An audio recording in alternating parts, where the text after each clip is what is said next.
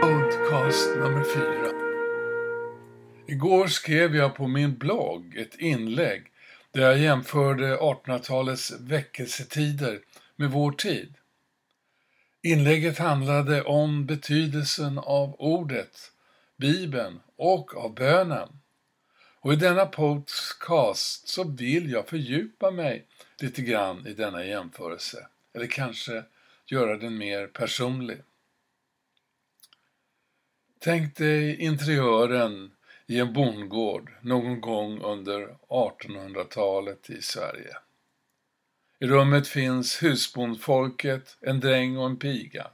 Och det skymmer mot kväll och det går inte längre att arbeta ute på markerna. Ett ljus är tänd på ett av borden och där sitter husbonden och läser ur en bibel. Ljuset är svagt och läskunskaperna används inte varje dag, så orden kommer lite tvekande, ibland stapplande, men med stor innerlighet. För några veckor sedan så hade de haft besök av en kolportör och han läste ur skriften och la ut texten. Och så hade de känt att det inte stod rätt till med det egna förhållandet till Gud. Hade de verkligen tagit emot Kristi försoningsverk på allvar?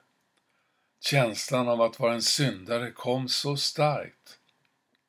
Men kolportören hade förklarat detta med Guds nåd, hur stor den var och att det var en gåva att ta emot. Och nu hade brännvinspannan avlägsnats från den här gården. Inte mer skulle spritens fördärv drabba dem. Och glädjen att få upptäcka bibeltextens djup och kärleken till Jesus hade fått ersätta den konstlade glädjen. Och allt mer hade det fångat deras liv. Men vänta nu Börje. Håller du inte på och romantiserar? Drömmer dig tillbaka till en tid där kunskapen låg på en mycket lägre nivå än nu. Dessa människor behövde finna någonting de kunde hänga upp livet på, men vi vet bättre nu i det här moderna samhället. Är du så säker på det? Vad är det du och jag har så mycket kunskap om? Är om de andliga sanningarna? Skrapar vi djupare så kanske vi finner att vi inte vet särskilt mycket ens om de, alla de tekniska prylar som vi använder. Okej, okay. det finns experter men deras kunskap är koncentrerad till ett visst område. Inte har de kunskap om allt för att de vet mycket om något.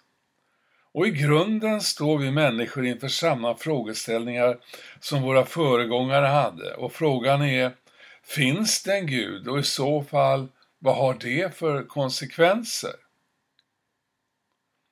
Gud berörde människors sinnen på ett starkt vis under denna tid i Norden på 1800-talet.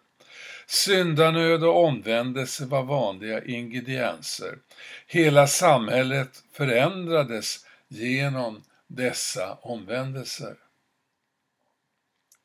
I Jakobs brevs första kapitel står det att vi ödmjukt ska ta emot ordet som är implanterat i oss.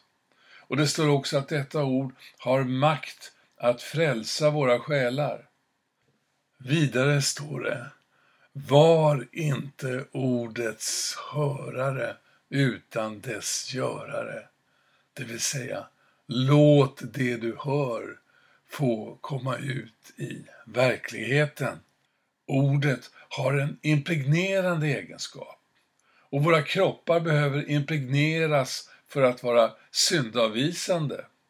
Fyllda av Guds ord, ledda av den helige Ande ska vi leva våra liv.